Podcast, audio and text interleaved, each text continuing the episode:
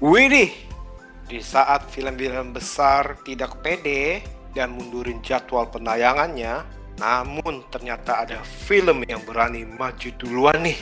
Kira-kira film apa ya?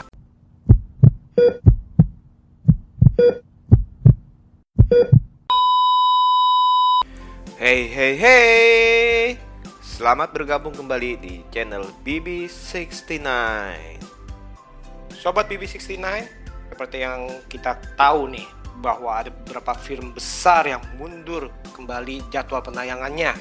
Seperti Tenet karya Christopher Nolan Yang awalnya ngotot direncanakan tanggal 17 Juli Terus mundur ke tanggal 31 Juli terus mundur lagi ke tanggal 12 Agustus.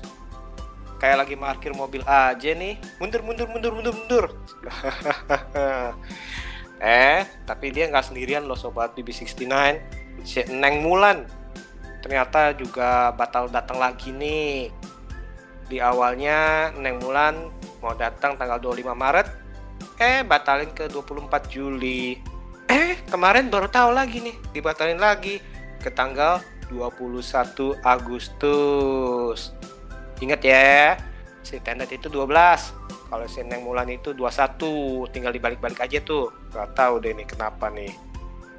Tapi semua itu memang sebuah langkah antisipasi dari pihak studio yang takut kalau penghasilan tidak maksimal atau bahkan tidak mencapai optimal saja.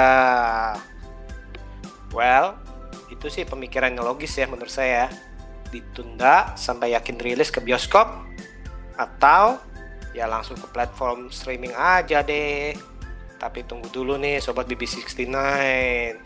Ternyata eh ternyata ada film yang berani tayang di negerinya dan hasilnya juga mengejutkan. Kemarin nih tanggal 24 Juni film Hashtag Live tayang di bioskop Korea Selatan dan hasilnya mampu mencatatkan rekor yang memuaskan loh. Konon mencatat total sebanyak 204.071 penonton di hari pertama penayangannya dan tentunya itu masih bertambah loh karena masih tayang. Film Hashtag Alive dibintangi oleh Yo Ah In dan Park Shin Hye yang diangkat dari film Amerika berjudul Lord. Film ini sendiri berkisah mengenai wabah zombie yang tidak dapat dikendalikan dan memakan korban jiwa. Dan orang-orang yang selamat terjebak dan terisolasi di dalam apartemen dan harus berusaha bertahan tanpa akses ke dunia luar nih. Kalau dari trailernya sih film ini cukup menjanjikan nih menurut saya. Bayangkan nih kalau kalian terperangkap di apartemen dan sudah banyak zombie-zombie tuh menanti di luar. Apalagi tidak ada alat komunikasi untuk menghubungi luar nih.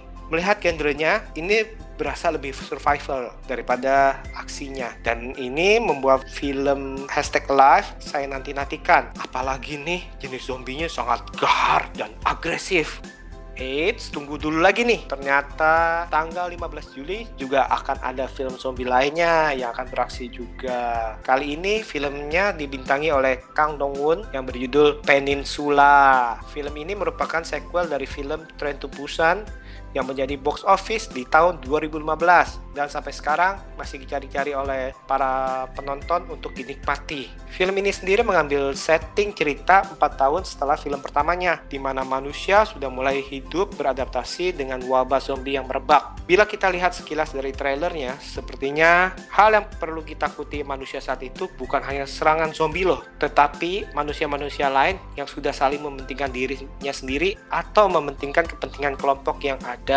Jadi, bila di film Hashtag Life itu mengenai survival di awal wabah, maka di Peninsula mengenai survival di mana sudah mulai beradaptasi. Well, apa pun itu, sebagai penggemar film zombie, sepertinya sih nggak boleh lewatkan keduanya nih. Aduh, duh, duh. Jadi nggak sabar nih untuk menontonnya. Kira-kira kapan ya?